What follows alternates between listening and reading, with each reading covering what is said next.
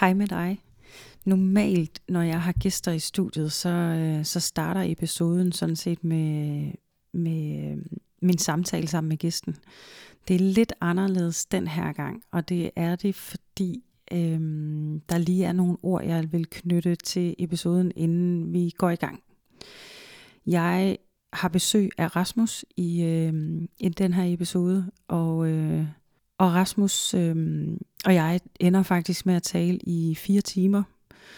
Det har været rigtig svært at, at få redigeret ned og fundet ud af, hvad for noget der skal med og hvad der ikke skal med, fordi mm. hvis der er hvis der er noget, som, øh, som jeg sidder med, altså et indtryk, jeg sidder med efterfølgende, efter jeg har mødt Rasmus, er, at øh, han har virkelig ufattelig meget inspirerende og, øh, og spændende at fortælle og snakke om. Han er mega dygtig til at lytte til, hvad man siger, og nu kan jeg jo selvfølgelig kun tale ud fra mit eget synspunkt, men han lytter virkelig efter, hvad det er, jeg kommunikerer tilbage til ham, og han stiller spørgsmål, og han er nysgerrig på det. Øh, det er i hvert fald det indtryk, jeg har. Øhm, men der sker simpelthen det, at øh, som sagt, jeg, jeg kender ikke Rasmus, Rasmus kender ikke mig, men øh, han havde sagt ja til at komme forbi og give det et skud, øh, og tale om, øh, hvordan det er at, at være ham i øh, slutningen af 30'erne, og ikke have en kæreste, og ikke have fået nogen børn. Og da Rasmus dukker op, så går der øh, nærmest ret mange sekunder, hvis det er minutter, så ender det med at ske det, som der gør ved nogle af de andre gæster, jeg har besøg af, som, øh, som jeg ikke kender. Det er, at, øh, at vores samtale starter. Og på en eller anden måde er det åbenbart anderledes, fordi jeg får ikke tændt for mikrofonen. Så mig og Rasmus, vi ender med at øh, have en lang snak, inden jeg overhovedet får tændt på, på optagknappen, hvilket er brand ærgerligt. Men, øh, men det er det, der sker, desværre. Men øh, ja, vi kommer til at snakke, og vi kommer til at snakke om, øh, om utrolig mange, hvad kan man sige, dybe ting. Han, øh, han får hurtigt ting at vide omkring mig. Øh, og det var det uprofessionelt, jeg ikke har slået lyden fra min telefon, imens jeg optager. Sådan, nu er den. Nå, men vi får, øh, ja, vi får talt om mange ting, og, og vi får også, øh, vi får også grinet, og, og øh, ja, vi får snakket om, om min bogsamling, og øh, vi får snakket om fodbold. Jeg er øh, lidt ramt på stemmen i den her episode, og det er jeg, fordi jeg var til landskamp øh, dagen før, og har sunget meget højt, og har mistet stemmen.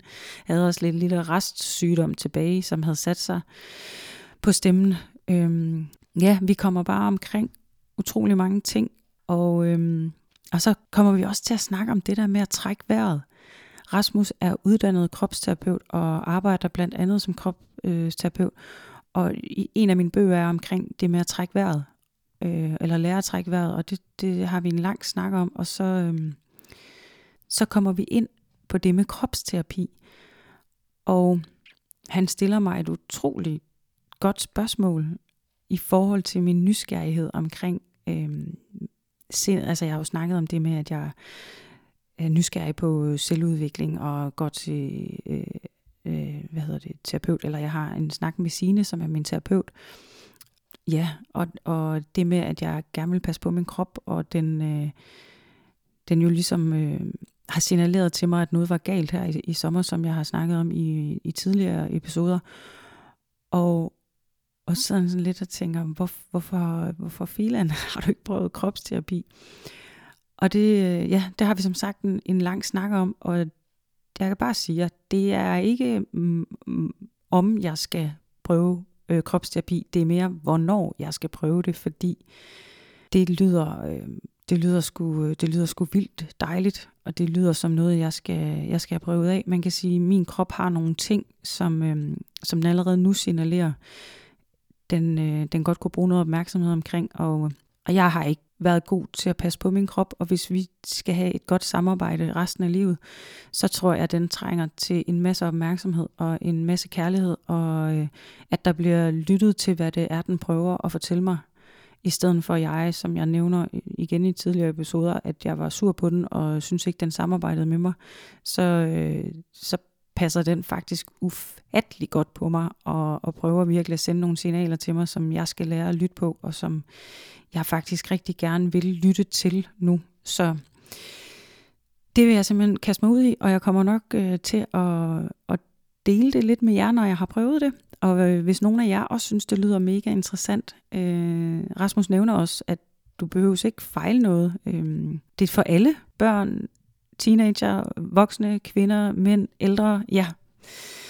Så, øh, så nysgerrig på det, så vil jeg bare øh, sige, at du skal springe ud i det, og det siger jeg allerede, inden jeg overhovedet selv har prøvet det. Men, øh, men hvis du prøver det øh, før mig, så øh, smid mig gerne en besked og fortæl om, hvad, hvad, du, øh, hvad din oplevelse var, og har du prøvet det, så må du også meget gerne sende din oplevelse afsted. Jeg skal i hvert fald have, have passet på min krop. Ja. Og så vil jeg også lige sige, at øh, i starten af episoden, der nævner jeg de emner, jeg har skrevet til Rasmus, som jeg godt kunne tænke mig at tale med ham om. Rasmus er et øh, vildt menneske, og det er han på mange måder, hvis øh, man spørger mig, og jeg, øh, jeg har kun mødt ham en gang, men han, øh, han er virkelig nærværende, og han øh, deler virkelig ud af, hvad det er, han har oplevet, hvad for nogle tanker han har gjort sig, de udfordringer, han har haft, hvordan han har arbejdet med det, og hvor han er i dag. Og, øh, og han svarer virkelig på et spørgsmål, når jeg stiller ham det. Og det gør simpelthen, at øh, ja, vi, øh, vi kommer rundt om ufattelig mange ting. Og ja, som sagt, så er det en fire timers snak, og det gør også, at, øh, at jeg er fyldt op på en mega fed måde. Og det gør også, at jeg kan ikke, øh, til sidst kan jeg ikke, nu kan jeg jo ikke snakke på Rasmus' vegne, men, øh, men klokken bliver mange, da vi ligesom øh, finder ud af, hvad, hvor vi er henne, og hvor lang tid vi har optaget. Og bliver simpelthen enige om at runde af, fordi øh, jeg, kan ikke, øh, jeg kan ikke rumme mere, altså jeg kan ikke være nærværende nok i det og få stillet de rigtige spørgsmål.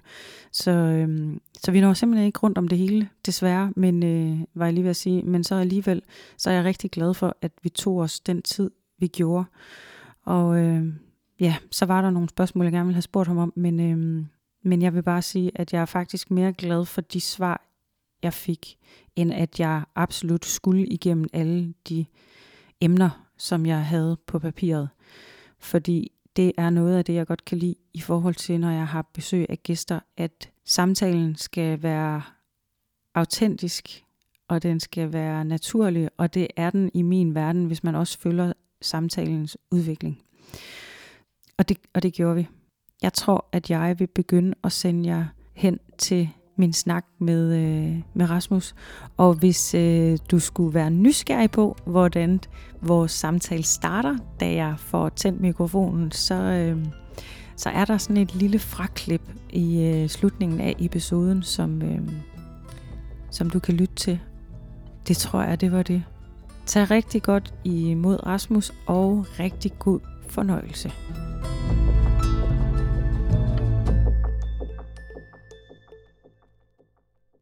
Har fået din kaffe. Ja, jeg er klar nu. Du er simpelthen klar? Fuldstændig. Okay, jamen så prøver vi bare. Velkommen til SIV 413. nej. Åh oh, gud, nej. Rasmus, velkommen til podcasten. Nu starter vi. Nu starter vi. Vi starter nu. Har alt det andet bare været pis? fordi det, du er faktisk på vej til at sige farvel og tak ja, for i dag. Jeg vil sige, det, det har været rigtig vigtigt nu. Jeg, jeg, jeg, kan jeg skal, ikke. Øh, jeg skal hjem nu. nu skal jeg skal hjem i seng. ja. jeg, går, jeg går i seng halv otte. Så det er mig, der har fået energi af vores snak, og ikke dig. Du er faktisk bare drænet. Ikke? Oh, ja. Nå, men nu starter vi simpelthen. Ja. Ja. Øh, Rasmus, øh, du har jo sagt ja til at besøge mig i podcasten. Og øh, som sagt, så øh, kender vi ikke hinanden. Og jeg vil, jeg vil gerne finde ud af, hvem der er, jeg sidder og snakker med. Så vi tager nogle kedelige præsentationsspørgsmål. Ja. Ja. Det jeg ved er, at øh, du er 37, og du arbejder som... Nu, det, der tænkte du lidt, er du ikke 37? Jeg bliver 38 på søndag. Er det rigtigt? Ja. Ja. Jeg vil rigtig gerne undgå at fejre min. Så jeg skal på arbejde 8-22. Væk fra rampelyset. det kan være, at man får en sms, eller der er en eller anden, der skriver på Facebook, og det er jo rart. Men, øh, men øh, familie, tamtam og, ja. og lavkage, det, det udbliver heldigvis. Ej, hvor er det, altså, jeg elsker at fejre andres fødselsdag. Jeg gider ja. ikke min egen. Nej, Nå, okay. det er så sjovt. Det er... Hvorfor, hvorfor, kan, hvorfor vil vi ikke det? Ja, det er noget med at være midtpunkt og sådan noget. Det, hmm. Men i dag der får du også lov til at være midtpunkt øh, i øh, nu ser vi. den her episode. Vi ser, om du får lov til at være midtpunkt. Vi føler efter. Ja. Ja. Så har jeg fundet ud af, eller du beskriver, at øh, du godt kan lide, nu prøver vi at gøre det igen, øh, kroppen, sport, sindet, psyken, øh, nuet, solskin, kammeratskab. Ja. Og så kan du ikke lide at fejre din fødselsdag. Og det er faktisk det, jeg ved om dig. Så, og hvis du nu fortæller mig, at øh, du er gift på syvende år, og du har tre børn, du er lykkelig, så, så siger jeg, hvad fanden skal vi så snakke om? Så er det slet ikke målgruppen. Men det er, det er, det tror jeg, jeg tror det ikke. Altså det med... Du tror ikke, der er nogen børn et sted? På et tidspunkt i, i sådan start 20'erne, der, der tager jeg den i en overrække, ikke når det ringer med hemmeligt nummer. Det skal være lad at sige. Uh, så der, er, der kan være muligheder det, det er sådan helt... Øh... Du tager ikke, hvis de ringer hemmeligt nummer. Nej, for det kan jo godt være noget med, at så er man blevet far. Det kunne jeg ikke overskue på det tidspunkt. Nej. Øhm, men, øhm, men jeg tror det ikke. Du betaler ikke børnepenge til nogen? Nej, det gør jeg ikke. Nej, så der er ikke, der er ikke nogen børn. Den er, den er vist fin. Okay. Jeg tror ikke, at der, der, er ikke. Jamen, så må du godt få lov at blive. Tak. Men jeg kunne godt tænke mig nogle børn, jo. ja. Øhm, på et eller andet, altså, på et eller andet tidspunkt. Og det var jo faktisk også en af de ting, som jeg øh, gerne vil snakke med dig om ja. i forhold til det. Øhm, fordi måske skal vi lige fortælle lytterne, at, øh, at jeg jo søgte efter, om der var en mand, der havde lyst til at komme ind og være gæst. Fordi jeg har en, øh, en kammerat, som faktisk var den første gæst i podcasten, Mikkel, som altid har vidst, at han ikke skulle have børn. Ja. Og øh, så var der nogen af dem, der lytter med, som, øh, som luftede lidt, at de gad faktisk godt at høre fra en mand. Og øh, det her er jo ligesom podcasten øh, generelt er fra min udkigspost, så er det jo ikke alle kvinder, der er 39 uden kæreste, uden børn, der har det, som jeg har det. Jeg kan jo kun tale for mig selv.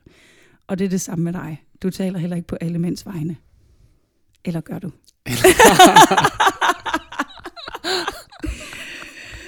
ja. Så det her er jo bare, hvordan du oplever det. Ja. Var det, var det øh, nødvendigt lige at få sagt? ting, Jamen, jeg, jeg kunne jo godt være, at jeg talte på alle mine kønsfælders det, Det kunne da godt være. At, øh, nej, jeg tror, det var mere, fordi da jeg startede podcasten, der havde jeg sådan en... Øh, jeg ved ikke, hvorfor jeg tror, jeg synes, det var vigtigt bare at sige til folk, at det her er så set fra min... Øh, om, stol. Ja, fra min stol, hvordan jeg oplever det. Mm. Øh, og så også at sige, at jeg er nysgerrig på, hvordan andre oplever det. Så, øhm, så derfor så tænker jeg, at, øhm, at det er jo ikke fordi, jeg kan invitere alle mænd ind og snakke med dem, og så vi kan finde ud af, hvordan mænd egentlig har det. Men øh, nu kan vi blive klogere på, hvordan du har det i forhold til nogle emner, som jeg jo har skrevet til dig. Ja. Og øh, dem tænker jeg lige, at jeg måske lige kan opsummere, så at lytterne kan høre, hvad det er, jeg ja. har været inde på, og ja. du også lige kan være med på, hvad ja, ja. vi har talt om. Det, der, det, det giver dig mening for alle, tror jeg. Lige at ja. på, den bank på lige øh, Det første, jeg skriver, er børn, spørgsmålstegn. Ja. Om du ønsker det, eller om du er i tvivl, mm. eller om det er sådan en, vi ser, hvad der sker. Ja.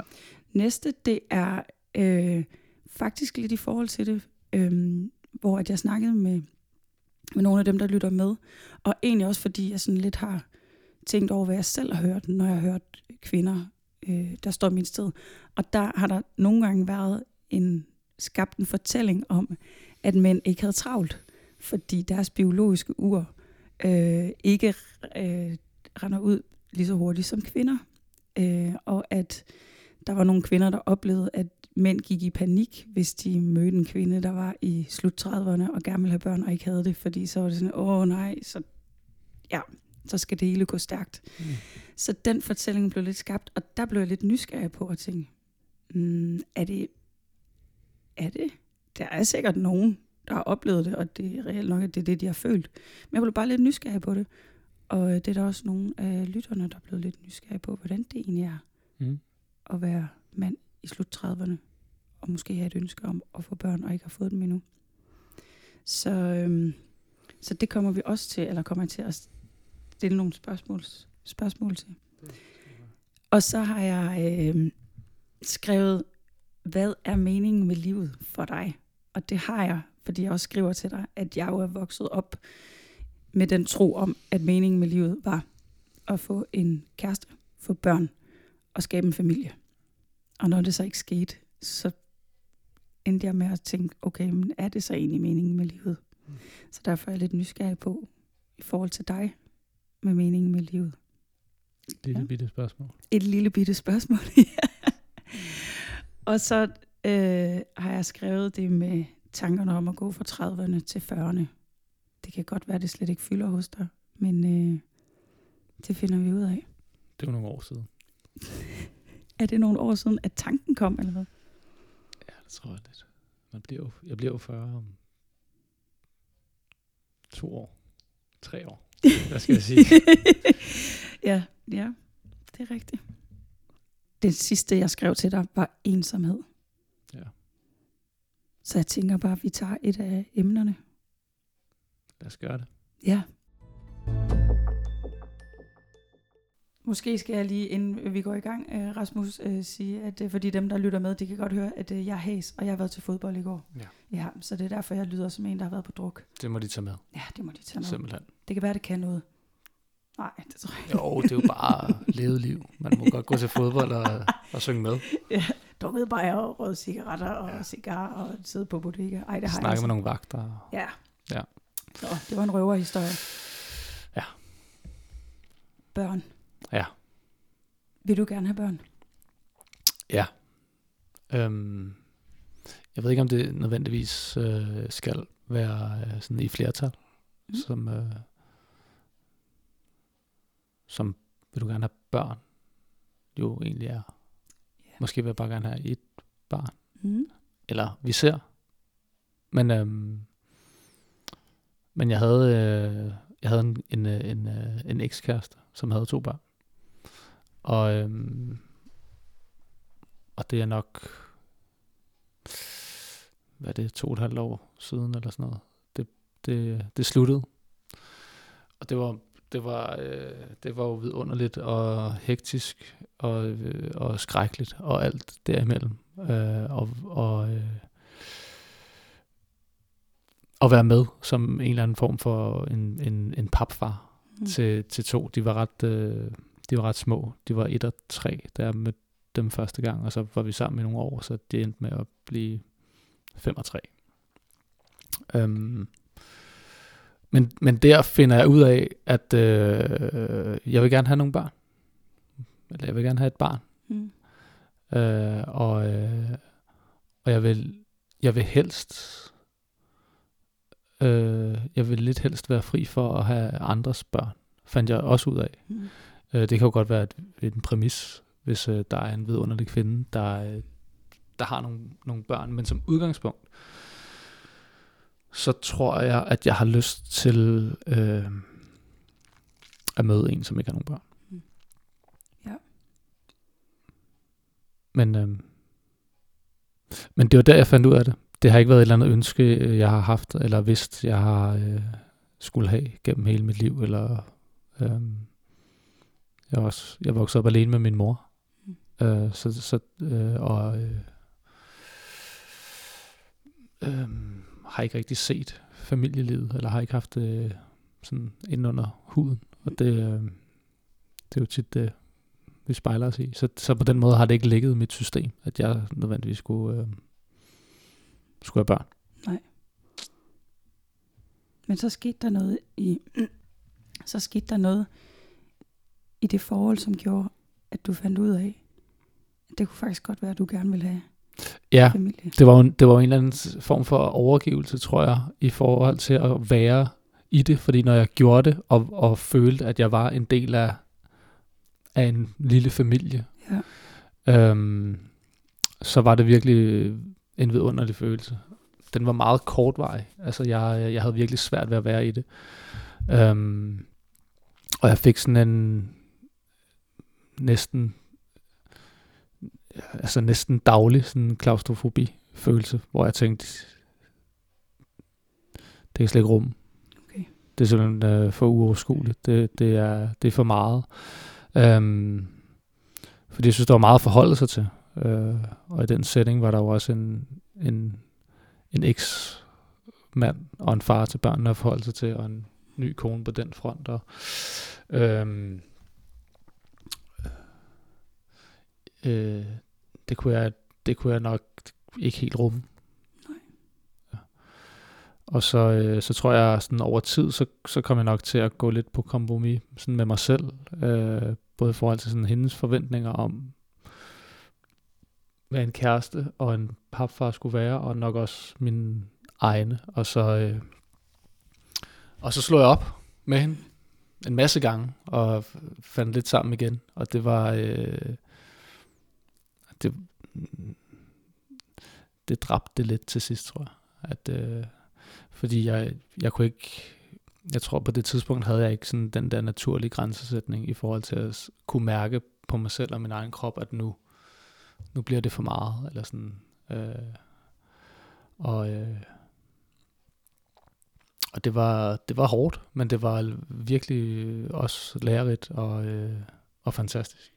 Og hun var en vidunderlig øh, kvinde. Hun, hun lærte mig øh, helt vildt meget sådan om, om indre liv og om, øh, om at sætte ord på ting, øh, men også omkring sådan øh, berøring.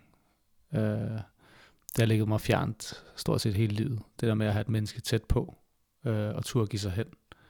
Og øh, igen, det, det er jo en sen alder at, at starte ud øh, med sådan noget. Men, øh, men jeg fandt ro i, øh, i, i hendes sådan nærvær og tosomhed og tæthed. Øh, og øh, det, tog, det tog lang tid, men øh, og det var også derfor, det var svært at gå egentlig Mm. til sidst, fordi jeg, jeg, jeg, tænkte, jeg tænkte jo, hvad så, mister jeg det her fantastiske? Øh, men øh, men det, det er jeg heldigvis ikke gjort. Jeg kan godt være, være tæt på, på nogen, men jeg er en, men det kræver tilvænding. Jeg kan ikke bare sådan lige øh, gå hen og stikke min tunge ind i munden på Mhm. en fremmed dame, eller kramme i lang tid, eller ligge tæt i lang tid. Og sådan. Det, det tager... Øh, det tager noget tid, og jeg har også, jeg har også sådan prøvet at være sammen med nogle, med nogle kvinder sådan inden for det sidste års tid, hvor jeg sådan øh, har fået meget ubehag. Altså, øh, og, og blevet sådan, sådan ked af det og sårbar og sådan sagt, jeg, jeg er gået i stykker. Jeg kan ikke, øh, jeg kan ikke. Mm. Øh, øh, men det kan jeg godt. Det, jeg, det tager bare lige, øh, det tager bare lige lidt Ja. for, for kroppen og, og sådan sige, nå, det, det er også rart. Mm. Det er ikke kun farligt. Men øhm, ja, Wow. Ja. Jeg kan virkelig genkende den der med det der med tætheden. Altså lige da du sagde det, der, der sad jeg og tænkte sådan, det kunne lige så godt være mig, der havde sagt det. ja. øhm, at den er, altså i de forhold, jeg har været i, der har jeg, der har jeg nogle gange haft sådan en, kan vi ikke bare få hver vores seng? Ej, det er sådan helt mærkeligt. fedt. Ja. Men hvor det var sådan en, det, det er okay, måske øh, det første 20 minutter, eller sådan et eller andet, hvis, altså det kan jeg godt, men, men jeg kunne få klaustrofobifølelsen, og, og det var, jeg tror, jeg undskyldte det sådan med, at så, min ekskæreste lå, mit hår var meget længere end nu. Så du ligger oven på mit hår. Jeg, ah, men jeg kan bare ikke, jeg sover faktisk rigtig dårligt. Øh, hvis der ligger, hvis der ligger et menneske sådan helt klods op, og bare tænker, det kan jeg ikke, det kan jeg ikke være i. Nej. Øhm, og det sjove er så, hvis jeg snakker med veninder om det, så ja, ja, det vinder du dig til. Hvis du finder en, øh, hvis du finder en kæreste på et tidspunkt, så efter et halvt år, så har du ventet så kan du ikke falde i søvn, hvis han ikke er der. Jo, tro mig, det kan jeg godt. Nej, ja, der vil jeg sige... du altså, tror, de har ret. Ja, jeg tror desværre, de har ret. Jeg har i hvert fald en ven, som, har, som er i ekstremer i forhold til det der. Og han har, han har vendt sig til sin øh, kæreste. Og han elsker okay. at sove ved siden, af, ved siden af hende. Og han har været, han har været helt vild. Altså, i, altså han skulle have sit space. Åh, oh, gud, nej. Så det, det, så det kan det, det, det, det, nej, det, det, det, tror jeg, det, det bliver vendt rundt på dig. Ja. En eller anden, ja, en eller anden dag, hvis du ja. har lyst til at møde en god mand. Ja.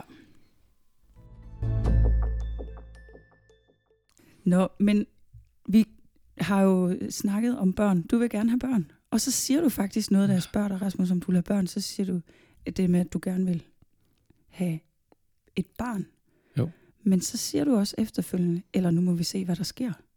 Ja, der er jo ikke nogen garantier Nej. for noget. Øhm, og som vi også snakkede om tidligere, der ved jeg ikke, om vi optog, men, men man skal jo også opsøge det. Ja. Ellers så kommer det ikke. Formentlig ikke. Bare lige hoppe ind af vinduet.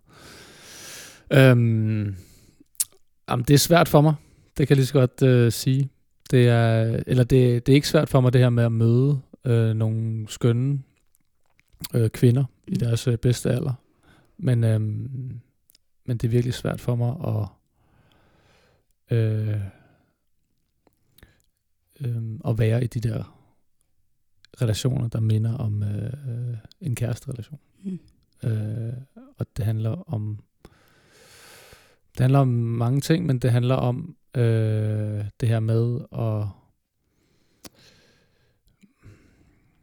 jeg tror, at det, det er sådan en manglende frihedsfornemmelse.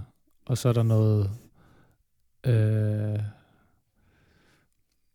øh, noget sådan noget tilgængelighed, som jeg har bakset lidt med i min øh, i mit sidste forhold øh, i forhold til at at vi havde et lidt forskelligt syn på hvor hvor ofte man skulle være tilgængelig og man skulle hvor ofte man skal svare på en sms eller hvor hurtigt man skal være til rådighed for den anden.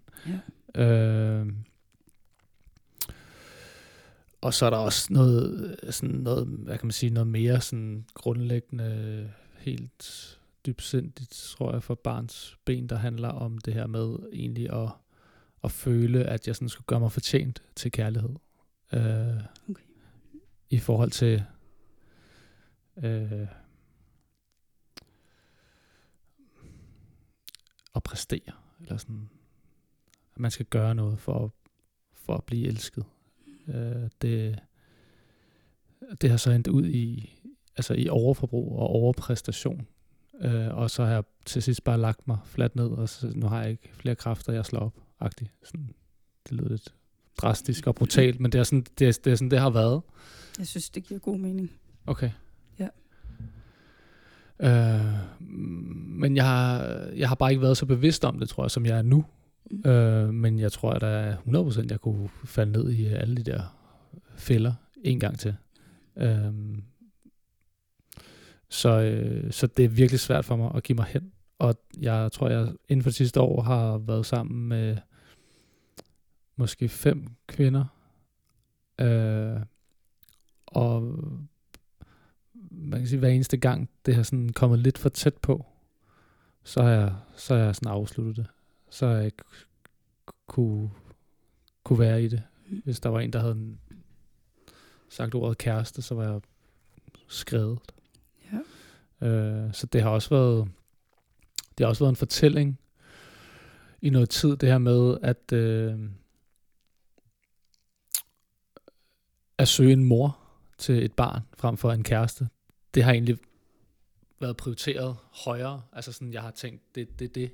Øh, og jeg mødte faktisk også en på et tidspunkt, som, som, som var lidt frisk på den konstellation.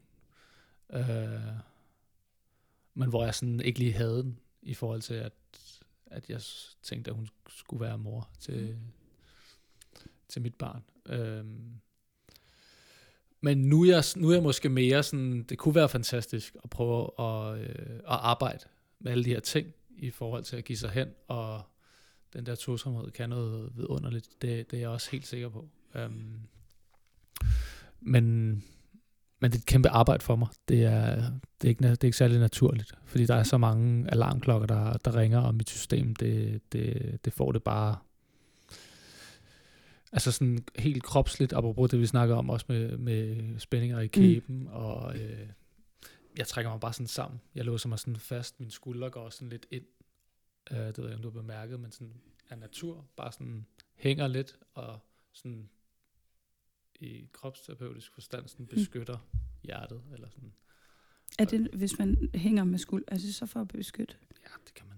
Ja. Ja, det kan man godt sige. Okay. Øh, men, øh, men selvfølgelig det at have taget den der uddannelse som kropsterapeut, har jo gjort mig bevidst om sindssygt mange ting.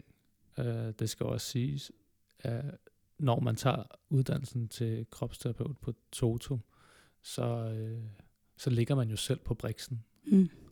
øh, rigtig meget. Så, øh, så et er, at man jo får nogle, nogle fede greb og lærer en masse om kroppen, men man lærer jo også, man kommer jo i en eller anden proces selv. Øh, og det har øget min bevidsthed i forhold til i forhold til grænsesætning og i forhold til, hvad fortæller min krop mig. Øhm, så derfor føler jeg mig bedre rustet, måske, end nogensinde, til at, at hoppe ud i og, øh, og prøve at date nogen, og så, øh, og så vide, der kommer nok noget ubehag, der kommer nok noget modstand. Mm. Øh,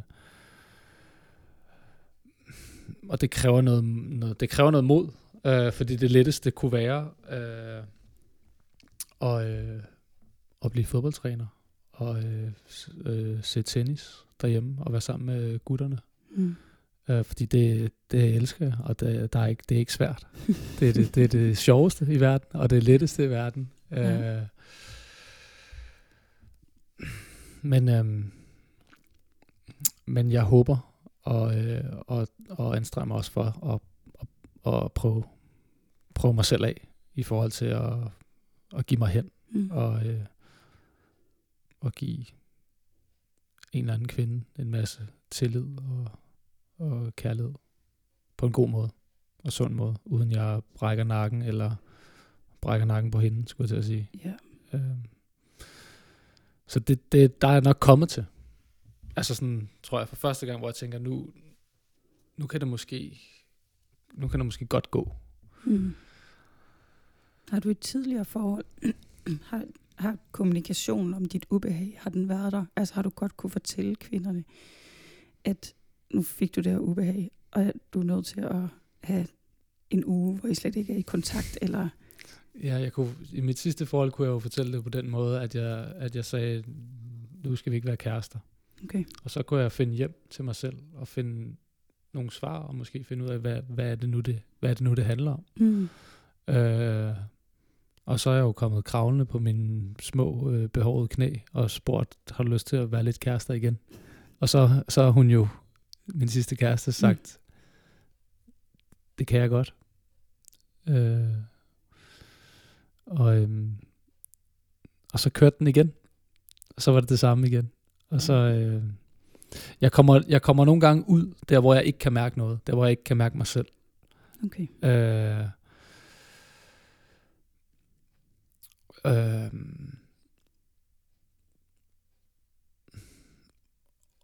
om, og i forhold til hende var det også en, der var, det var en meget, meget hektisk tid, hvad kan man sige, på hendes banehalvdel i forhold til hendes mor fik kræft, og hendes far døde, og der skete bare nogle altså kæmpe ting, Mm. øh, hvor hun også var hvad kan man sige, nede på, på ressourcer, og, og, så, øh, og så sådan helt instinktivt, så, så fik jeg jo lyst til sådan at, at hjælpe, eller sådan, Mm.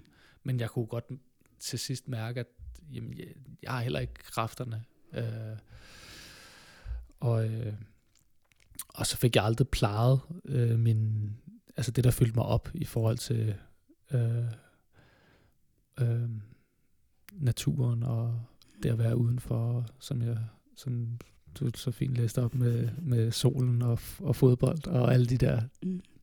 Øh, og, og, øh, ja, og så kunne jeg ikke holde til det mere. Øhm, og nu har jeg ikke haft en kæreste i, jeg tror, det er to og et halvt år. I forhold til det, du siger, og grunden til, at jeg spurgte efter, om du, imens relationen var i gang, og du ikke var gået, om du så kunne sætte ord på, hvad der skete, så fortæller du så, at nogle gange var du slet ikke klar over, at der skete noget, fordi du ikke kunne mærke dig selv. Mm. Øhm, og jeg tror, den ringede noget hos mig, fordi jeg, øh, jeg er også, altså jeg har været øh, single i øh, til december 10 år. Tak, der skal Jubilæet. holdes fest. Ja, det skal øh, og der kan jeg huske, at jeg i mit sidste forhold set i bagspejlet, og noget, som jeg forhåbentlig er blevet bedre til, Ja. ja. det er, at når jeg får min trigger-ting, så begynder jeg at kan mærke det, og jeg tror, min øvelse vil simpelthen være at sige, jeg vil lige ved at sige, klap ham i røven og sige, ved du hvad, jeg, der er noget, der trigger. Jeg går en tur rundt om søen lige nu. Øh, jeg vil lige ved at sige, det er ikke noget med dig at gøre, eller det er sådan en, du er fantastisk, Mm. jeg skal lige have styr på hovedet. Ja. Øh, og så, øh, så smuttede jeg afsted. Altså simpelthen for at komme, altså imødekomme og sige, der sker noget. Fordi det er noget af det, som jeg i hvert fald også selv vil sætte utrolig meget pris på, hvis der var en partner, der lige siger, Ja. fordi jeg tror på, at vi alle sammen har et eller andet, der trigger. Og at nummer et på min ønskeliste til en partner er god kommunikation. Mm. Det er ikke fordi, at det skal være, jeg vil sige, spidse hele tiden. Der er, et- det kan jeg også sgu godt, men altså, men jeg har, det har jeg altid vægtet højt, og jeg har altid været glad for, at det har været der. Jeg tror bare, jeg er blevet bedre til det nu. Og så har jeg sådan en, det gad jeg, jeg gad godt prøve det af. Hvad er ellers på din liste? Øh, over en partner. Jo. Øh, god kommunikation. Øh, det tror jeg faktisk er det. Så tror jeg, så tror jeg bare, det er sådan Det det, Ja, jeg har, jeg har vi, Ja, altså, altså, ydmyghed, så er det jo et, et, altså et beskeden krav, og så har du alligevel ikke haft en kæreste i 10 år. Det er bekymrende. det er nødt til at sige. Jeg vil sige, jeg har været, ej, hvor har jeg været ude på den der, øh, jeg kan godt lide ham, han kan ikke lide mig. Han kan godt lide mig, jeg kan ikke lide ham. Okay. Så der, der har, vi har, jeg har haft nogle, hvor der ikke Ja. er sket. Og så har jeg også været øhm, dårlig til at tage kontakt, når jeg har mødt et menneske, som jeg synes har været interessant. Hvorfor? Ja, den har jeg også, jeg har hørt, eller har fået spørgsmålet før, og jeg har tænkt så meget over det, fordi i starten af, af mine 30'ere, der var jeg mega god til det. Og når jeg siger mega god til det, så mener jeg, at jeg handlede på, hvis jeg mødte et menneske, hvis der var en eller anden fra fortiden, jeg tænkte, shit, det var da egentlig meget interessant. Mm. Mm. Og for mit vedkommende var det ikke sådan en, jeg skal bare ud og have en kæreste. Mm. Mm. Der er sådan en, altså hvis bare vi på en eller anden måde er enige om, at, at det her ikke er, at den ene tænker bollevenner, og den anden tænker, lad os se, hvad der sker. Hvis vi sådan er enige om, lad os se, hvad der sker, eller vi ikke er, så øhm, Men hvor er blokeringen nu? Hmm, jeg ved ikke, om der er, jeg ved ikke, om der er en blokering. Den er bare, jo, eller det, Er det dine tanker, eller er det din krop? Øh, det er øh, i hovedet. Altså, jeg tror, jeg tror, der gik, mm, jeg tror måske det er for to år siden, der tror jeg, jeg nået til sådan en, hvor jeg virkelig havde en fornemmelse af, jeg gider ikke. Eller sådan en, jeg magter ikke mere. Du er modløs. Jeg er fuldstændig, der er ikke, øh, Der er ikke en rar mand i... Øh, der er masser, der er masser af helt igennem fantastiske mænd.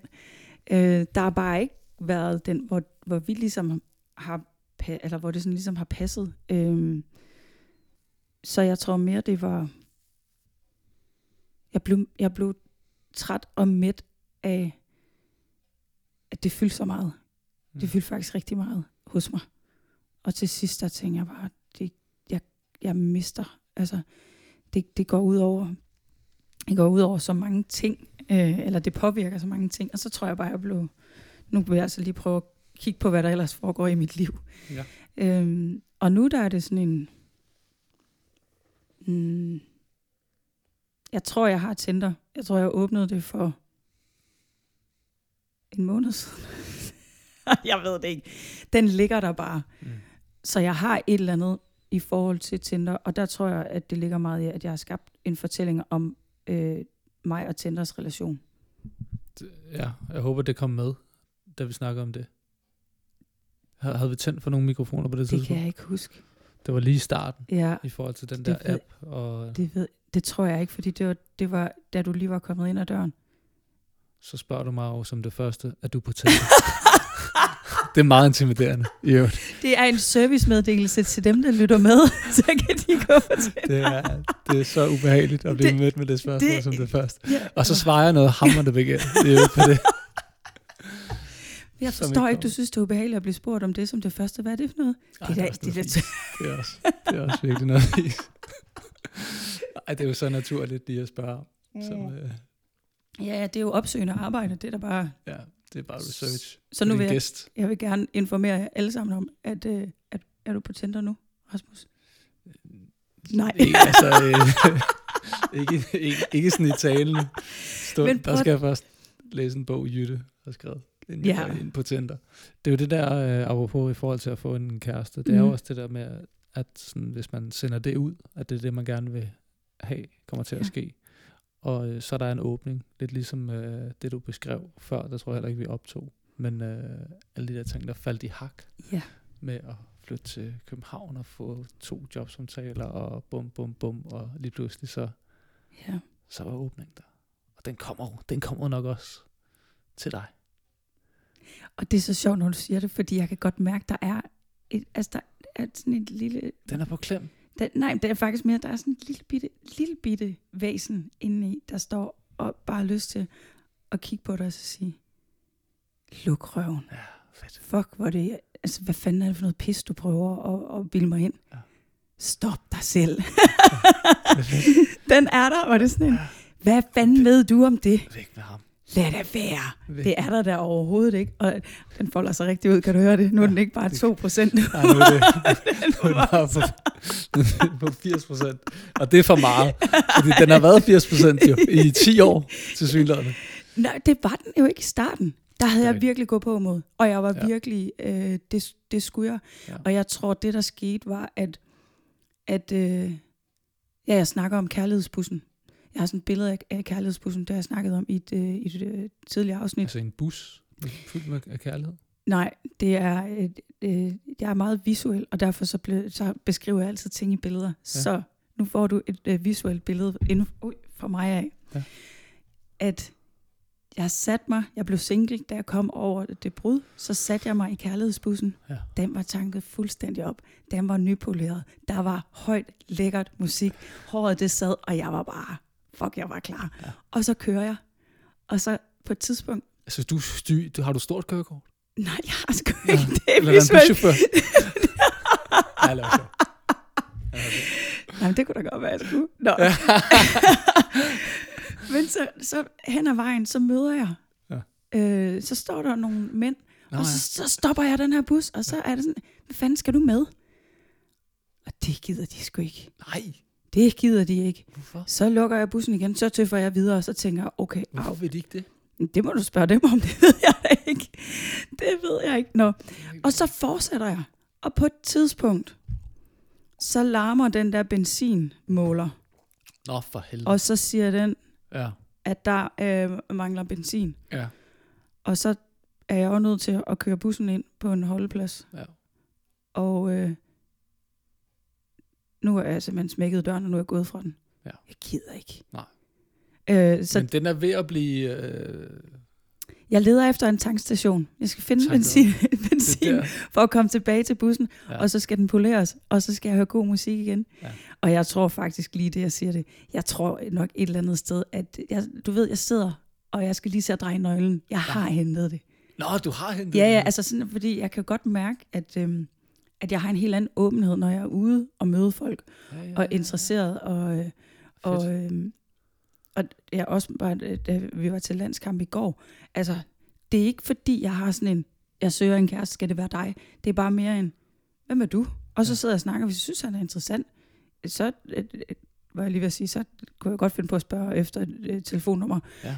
Det Fedt. opstod ikke i går, at der var en person, jeg tænkte efter et telefonnummer, Ja. men det kunne, altså, det kunne lige så godt have været. Man kan jo godt møde sin kæreste inde i, i idrætsparken. Jeg tror, man kan møde dem alle steder. Ja. Det, altså, det tror jeg. Det kan, Men siger du så bare, at du er en fuldstændig vidunderlig undulatdame, der bare bor øh, alene? Du må ikke sige det. ikke- og ikke har haft en Nej. kæreste i 10 beskidte år? Øh, nej, og det er jo nok der, hvor jeg sådan tænker, jeg tror ikke, jeg vil bruge ordet vidunderlig. Jeg tror bare, jeg er bare almindelig kedelig. Mig. som, som tænker, der må, kan da godt være, der er en, der tænker, at hun er sgu meget fin, eller hun virker sjov nok, lad os se, hvem hun er. Fordi det er faktisk noget andet i forhold til mig. Det er en, nu siger du det der med kæreste, og det er jo også det, vi snakker om. Men, men for mig, der er der altså lige 17 kilometer hen til kæreste. Ja, Kan ja, vi ja. godt lige tage det med ro, Ja. og så bare lige finde ud af, Ja. hvad, altså, ja. Men det har også været en trigger, det bliver nødt til at sige for mig, tempoet med, med de, nogle af de kvinder, jeg har mødt. Jeg er blevet slået om kul, fordi at det, vil, det, det gik simpelthen for stærkt. Mit system kunne slet ikke øh, følge med. Okay. Så, så skulle vi øh, altså være kærester, og altså, øh, det kunne det ikke holde til. Og det, det ved jeg ikke, om er en tendens, men det har jeg i hvert fald oplevet med, jeg tror, der har været fem gode kvinder inde i mit liv inden for det sidste år. Tre af dem, det blev for meget, det, fordi det, det, det handlede virkelig om, øh, om tempo. Men i forhold til kriterier, Mm-hmm.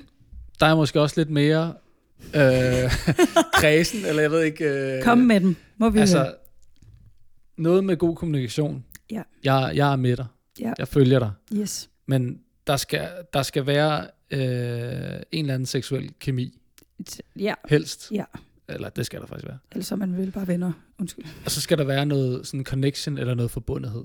Mm. Øhm, og så har jeg også et eller andet med sådan med, øhm, hvad kan man sige, med menneskesyn og værdier. Ja. De må godt bare minde lidt om mine. Ja. Jeg tror, jeg vil have rigtig svært ved at, at være sammen med et menneske, hvis værdier er meget anderledes end, end min egen. Det giver mening. Øhm, men jo, og så er der sgu også, så er der sgu også uh, humor. Den er med på min. Humor er med. Den er sgu med. Hvis der ikke er et eller andet, hvis jeg ikke synes, hun bare er lidt sjov, eller altså bare, der, der, altså sådan, øh, du ved, altså sådan en pivot der, ikke, hvor det hele falder til. Det kan jeg ikke. Hun skal, der, så det er jo også, det er jo lidt mange ting. Og jeg tror også før i tiden, øh, der havde jeg ikke alle de her nuancer med. Der, Mm. der, der, øh, der kunne hun godt bare være pæn og sjov. Så var alt godt. Eller sådan, Okay. Øh, ja. Så nogle, nogle af de her øh, fem skønne damer, de har jo haft, der er nogen, der virkelig har bonget ud på, hvad kan man sige, måske øh, humor og værdier, Mm. eller øh, seksualitet og menneskesyn. Eller? Ja. Og det har været sådan lige skabet. Og så har der været noget andet, der har været alt for langt. Og på et eller andet tidspunkt, så kan det være, at jeg finder en, som får 10 point i det hele. Det tror jeg bliver svært. Så skal du fandme bare tage benene på nakken Det tror og løbe væk. ja, Men ja. det- det Så bliver det skræmmende. Det lyder helt ubehageligt. Ikke? Shit. Men øhm, ej, jeg skal jo også komme dertil, hvor jeg tænker, okay, jamen, der, der mangler måske lige det her, men, men jeg vil det faktisk så gerne. Mm. Så, så jeg bliver sgu bare nødt til. Altså, og det er jo heller ikke fordi, at jeg sådan selv måske rummer hele den palet. Altså det skal man jo også sådan kigge, kigge ind af. Altså kan man bede om det hele, hvis man bare er en eller anden øh, Der- trist spejderdreng. Der har minus på humorkontoen. Ja, som bare øh, slet ikke, slet, han er slet ikke sjov om det, eller han er et, et elendigt knald. Altså så er det jo ja. op ad bakke. Ej, Ja. prøv at forestille dig at være i sådan et forhold. Ej, det er en helt anden tangent, der lige kom ud, der var bare ting. Eller også i forhold til, jeg vil altså også sige, jeg tror, nu lyder jeg her måske overfladisk, men hvis kysset er helt forfærdeligt, Ja. og jeg ikke har lyst til det, Ja. ja. så kan jeg heller ikke se, at det kan komme nogen steder. Det er svært i hvert fald. Nej, men jeg bliver nødt, jeg vil, jeg vil øh, have dig tilbage til, øh, øh, det der med at have travlt. Ja. Fordi den bed jeg lige mærke i. Og øh, jeg har i løbet af den her uge faktisk haft en snak med en veninde. Øhm, og nogle gange, så kan jeg godt som kvinde være bange for at blive misforstået i starten af en relation. Fordi hvis jeg siger, kan vi lige snakke sammen, så har jeg, jeg har oplevet, og andre har også oplevet, at, øh, at du har sådan en, at så er der nærmest en fortælling af, hvad jeg vil sige. For eksempel, skal vi være kærester, skal vi ikke være kærester? Jeg har brug for, enten så er vi kærester, eller så, så dur det ikke. Og det er egentlig slet ikke det, jeg siger. Og jeg, jeg har været ked af, at jeg ikke sådan synes, der er blevet lyttet til, hvad jeg siger. Fordi for mig kan det bare være en afklaring at sige, øh, nu har vi set hinanden i, i tre måneder, kan vi måske bare lige... Jeg, jeg ved sgu ikke rigtigt, om, om, om du er der, hvor vi ser, om det bliver til noget. For jeg har ikke brug for labelen. Jeg har bare brug for at finde ud af, om det er fis og ballade. Fordi så er der måske noget følelsesmæssigt, jeg gerne lige vil holde tilbage, eller ikke vil investere i, og mærke, om jeg egentlig har lyst til det. Det skal være det. Giver det mening? Ja, meget. Og, og, øh, og det synes jeg er ærgerligt, for jeg føler ikke, altså nu er det jo ikke fordi, jeg har stået i den situation 100 gange, men jeg kan bare huske, da jeg stod i den, der havde jeg sådan en, jeg er faktisk rigtig ærgerlig over, at du ikke lytter til, fordi nej, jeg er ikke i panik. Jeg vil ikke have dig som kæreste. Altså jeg ved ikke engang selv, om vi skal være kærester. Hvordan reagerede han? Øh, altså da jeg sagde det der med at snakke, men Ja. han, han blev sådan en, øh, hvorfor skal vi have så travlt? Jeg sagde, det, det er egentlig ikke, fordi jeg har travlt. Jeg vil egentlig bare gerne. Så, så, så han hørte mig sige, at, øh, at jeg spurgte efter, om vi skulle, altså, at vi skulle være kærester. Jeg skulle have en label på nu, også selvom jeg siger til ham, det ved jeg ikke, om jeg, altså, det ved jeg slet ikke, om jeg har lyst til. Jeg kan Du- mærke, at jeg gerne vil høre, Ja. ja. hvad er det, der foregår. Altså, øh, skal, kan jeg forvente at, at se dig et øh, kys med øh, Brita nede på poppen i morgen, eller, øh, eller øh, er du nysgerrig på at se, om det her kan blive til noget. Mm. Så bare sådan en afklaring, hvor man egentlig bare snakker sammen, og det behøver ikke være så seriøst. Altså for mit vedkommende kan det sgu også være, mens øh, man står og laver lasagne, og det er en, jeg vil bare gerne lige høre, hvad, hvad, hvad mærker du, hvad føler du, hvor er du henne? Ja. Hvis du er forvirret, så er det okay. Men hvad er dit indtryk i forhold til, altså er, er, er, er os mænd, er, er, er vi gode til at, øh, at kommunikere? Eller hvad er din erfaring? Min erfaring er, at de længerevarende forhold, jeg har været i, der har de været rigtig gode til at kommunikere. Så har der været nogen, som ikke er blevet et forhold, hvor det var rigtig, rigtig dårligt. Okay. Men jeg var heller ikke god til det. Nej. Øh, og jeg vil også sige, jeg kan også høre i nogle kvinders forhold, hvor jeg tænker, det lyder ikke som om, at jeres kommunikation. Så jeg tror ikke, jeg sådan kan sætte køn på det, Nej. faktisk. Nej. Jeg tror, det kommer meget ind på mennesket. Og jeg, som sagt, har jo bare været så usandsynlig heldig, at, have, at ja, de tre, der har været længerevarende, har været... Ja, der var en, der nok lige skulle, skulle åbne op og lære det. Øh, Ja. Eller lære sig selv, eller finde ud af, hvad der skete. Mm. Øh, ja, det endte jo så faktisk også med, da jeg så sagde stop. Så, så altså, han havde det hele af helvede til, fordi at det var, det var en, øh, i hans verden var jeg det menneske, han kunne åbne op overfor, og nu var jeg der ikke mere. Den er hård. Ja, og det gjorde mega ondt. Mm. Altså det gjorde ondt, fordi jeg var jo helt sikker på, at det skulle han nok finde. Mm. Altså det var ikke, det kan være at vores sammenspil og Mm. vores møde havde gjort noget godt for ham. Det- Men, men fordi, at vi ikke skulle være sammen, er jo ikke ens betydende med, at det forsvinder for ham. Altså han, Men det troede han måske bare lige der. ja, det gjorde han. Men måske er han fuldstændig forrygende til det i dag. Det tror jeg. Det går i hvert fald godt. Rasmus ensomhed. Ja. Kender du det?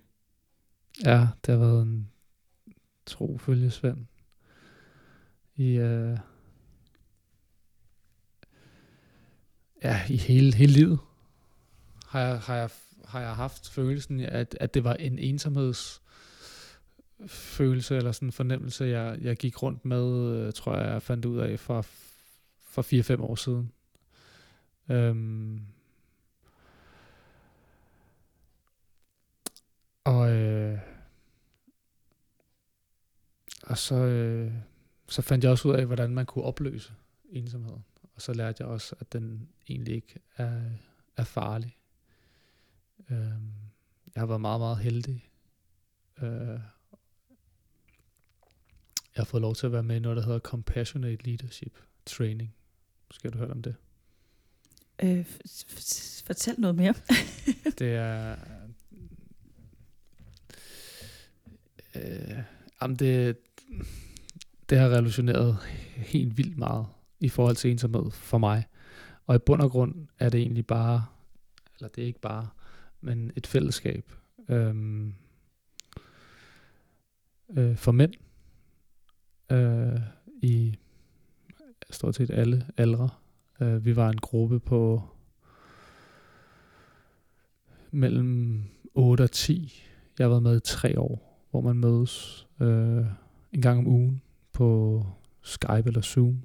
Øh, og så, øh, så er der typisk en, vi kaldte det en grounding in og en grounding out, hvor man landede, og så var der mm. en lille meditation, eller en, der læste noget op, eller man hørte en sang, eller man tjekkede bare ind med hinanden. Mm.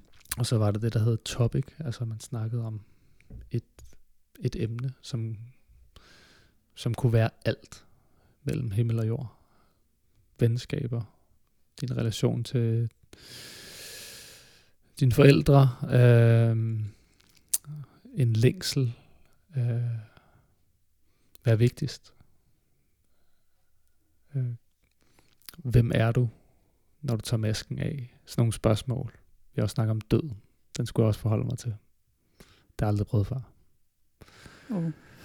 Det var vanvittigt. Øh, men, men, øh, men fælles for de her mænd, øh, og det var sådan, det er et optagelseskrav, hvis man kan sige det sådan, det er, at, øh, at man skal være næstekærlig, og så skal man øh, være modig, og så skal man være hudløs ærlig. Øhm, og så skal man være opbakende.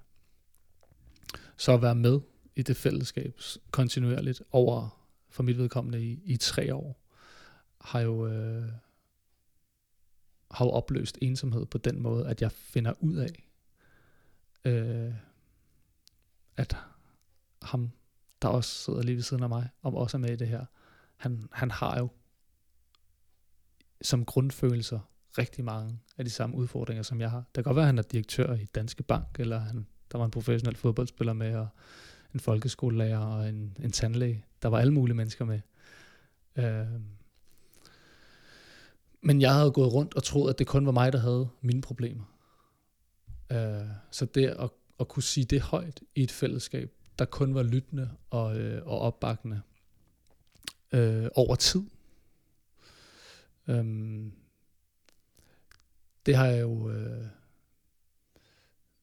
det har gjort noget positivt i, i forhold til øh, at stille mig frem og være, være ærlig. Det har også jeg, jeg følte, jeg holdt nogle, nogle taler, og jeg, øh, der har jeg, der har jeg sådan, der har jeg båret den compassionate leadership energi med mig, så jeg har følt, at den styrke og den power, jeg har stillet mig op for, foran rigtig mange mennesker, det kan jeg sagtens. Og jeg, jeg kan brage igennem her. Jeg har noget at komme med. Øhm, fordi jeg har energi for 8 eller 10 mand, som har, de har min ryg.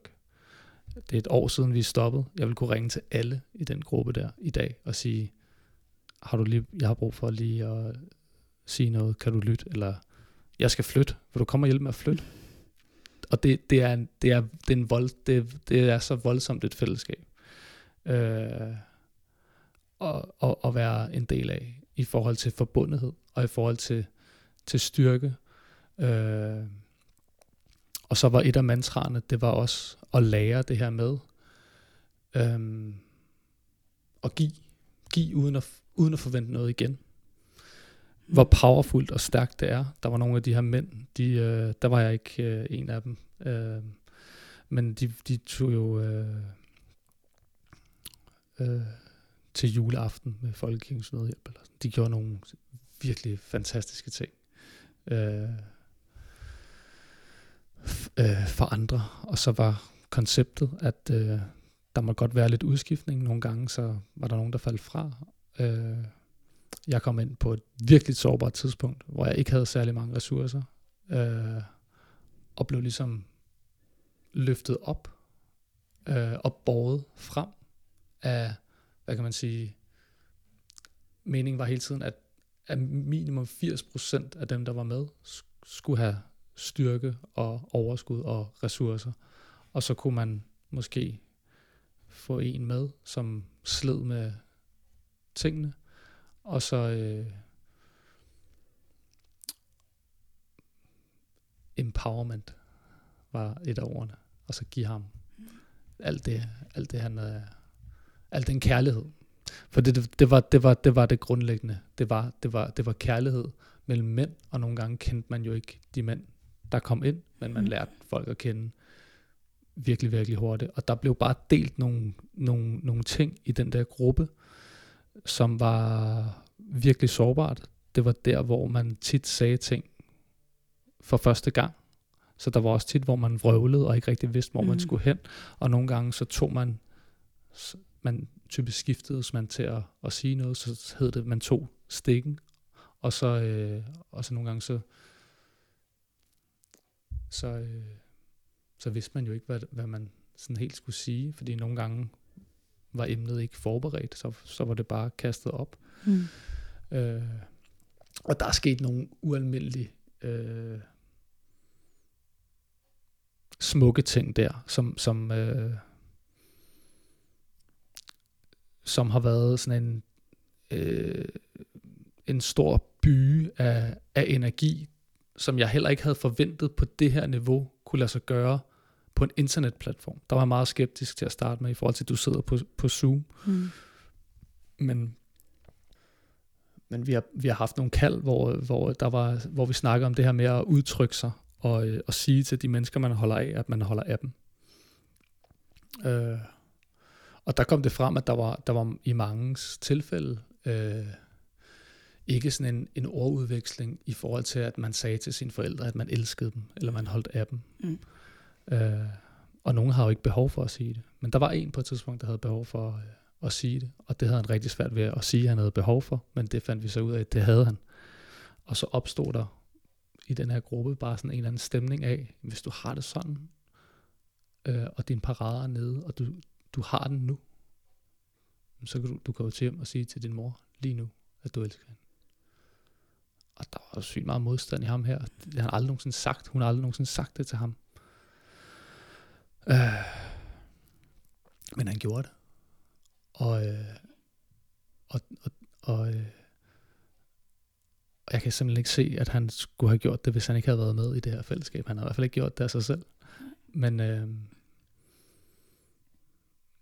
men, men det var vidunderligt, og, og, de, og, øh, og han brød sammen jo, altså øh, fuldstændig.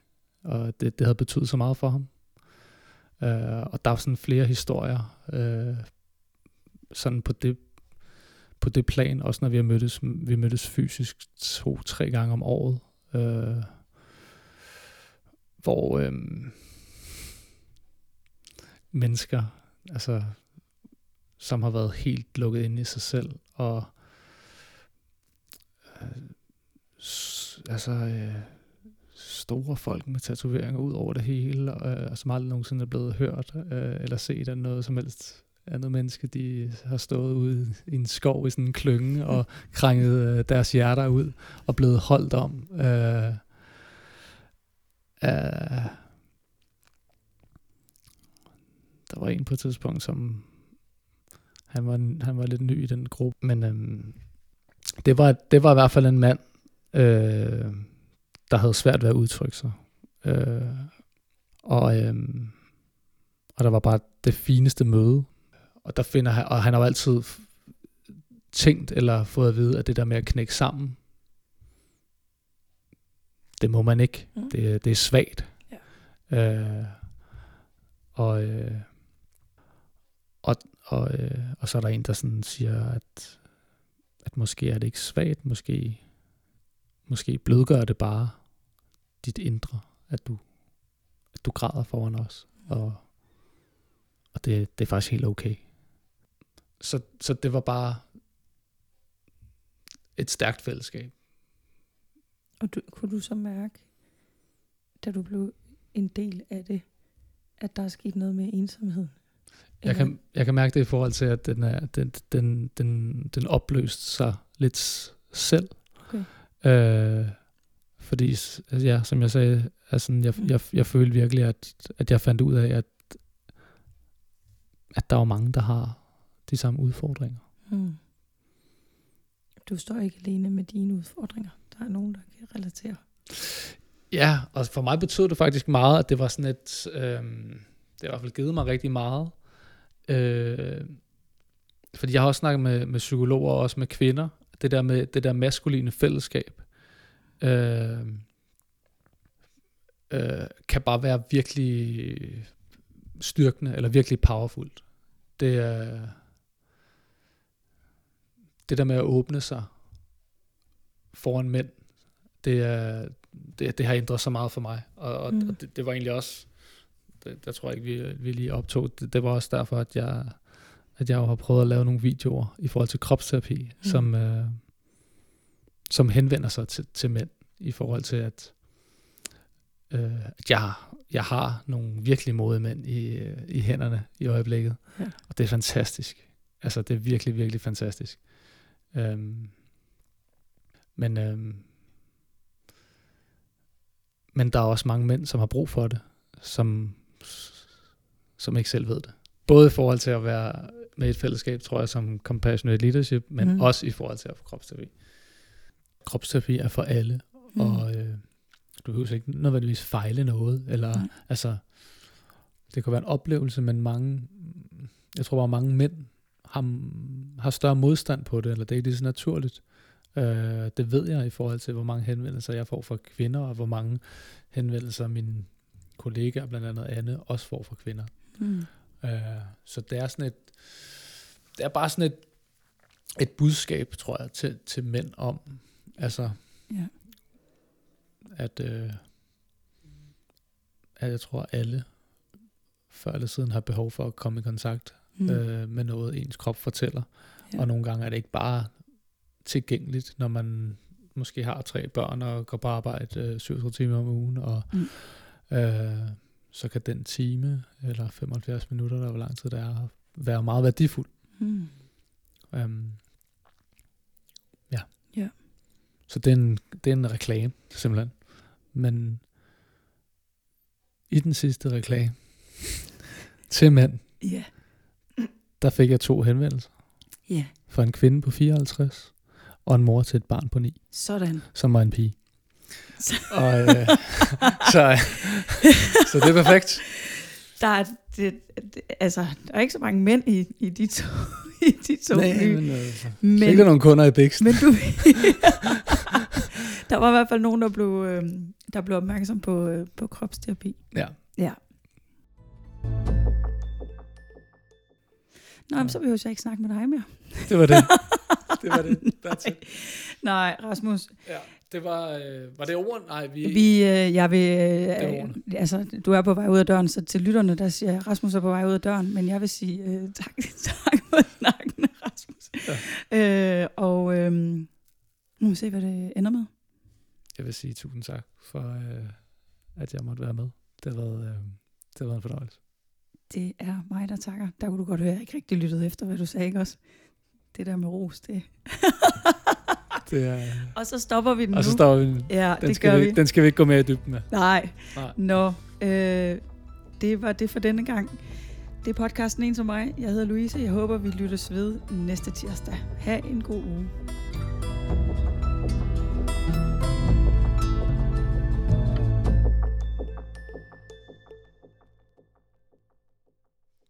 Jeg, jeg, jeg kunne godt være typen, der, øhm, der kunne finde på at tage mig tid, faktisk. Det gør du bare. Uh, så, øh, så er der lige lidt stille. Og den kunne jeg også godt sige lidt om, hvor undervurderet den er. Stilhed. Og vær stille. Ja. Har du altid godt kunne være i det? Det har jeg kunne være i de sidste 4-5 år, tror jeg, så, så, var det, så gik det fra at være lidt ubehageligt til mindre ubehageligt, til øh, dejligt, til øh, skønt, til vidunderligt. Så, så jeg, jeg tror også godt, jeg kan være lidt i stillhed, med, også med nogen, jeg ikke øh, kender. Det er, det er fedt, skulle jeg lige hilse at sige. Det gad jeg godt at prøve. Og, øhm, og derfor så er vi jo bare stille de første fire minutter af den her podcast, hvor der ikke er nogen, der siger noget. Det bliver jo så underligt for, øh, for alle, at du inviterer en gæst ind, som ikke siger en skid i fire minutter. Ja. Også sløjt for, for lytteren i bund og grund De kunne jo bare være med. på at være stille. Ja. Skal vi teste, eller skal, er det en anden god gang? Altså, jeg bliver jo bare ved med at optage, hvis der er et eller andet, der er interessant. Så nu... Øh, Så efter øh, de fire minutter, så, øhm, så vil jeg stille det oplagte spørgsmål om, hvad, hvad sker der inde i dig lige nu? okay. Og så kunne du svare på det.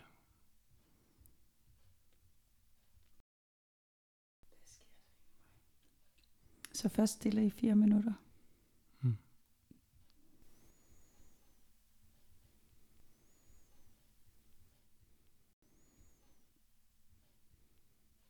Jamen, det er okay. Ej, det, er jeg med på. det er pis. det er... Jeg kunne godt have holdt den. Altså, Det kunne du sagtens. ja, der altså, kunne det- sikkert komme noget fint ud af det, hvis, Altså- du, hvis du kunne øh, øh, sådan fornemme og mærke, hvad fanden der foregik øh, inde i dig i de fire minutter. Og det, Det, det kunne der jo komme noget virkelig smukt ud af, måske. Og meget værdifuldt. For, øh, måske mest for dig selv, men måske også for nogle af dem, der øh, hører ja. på det. Men det gør vi, øh, det gør vi på mandag, eller en anden dag. Sådan. Det er en åben invitation til stillheden.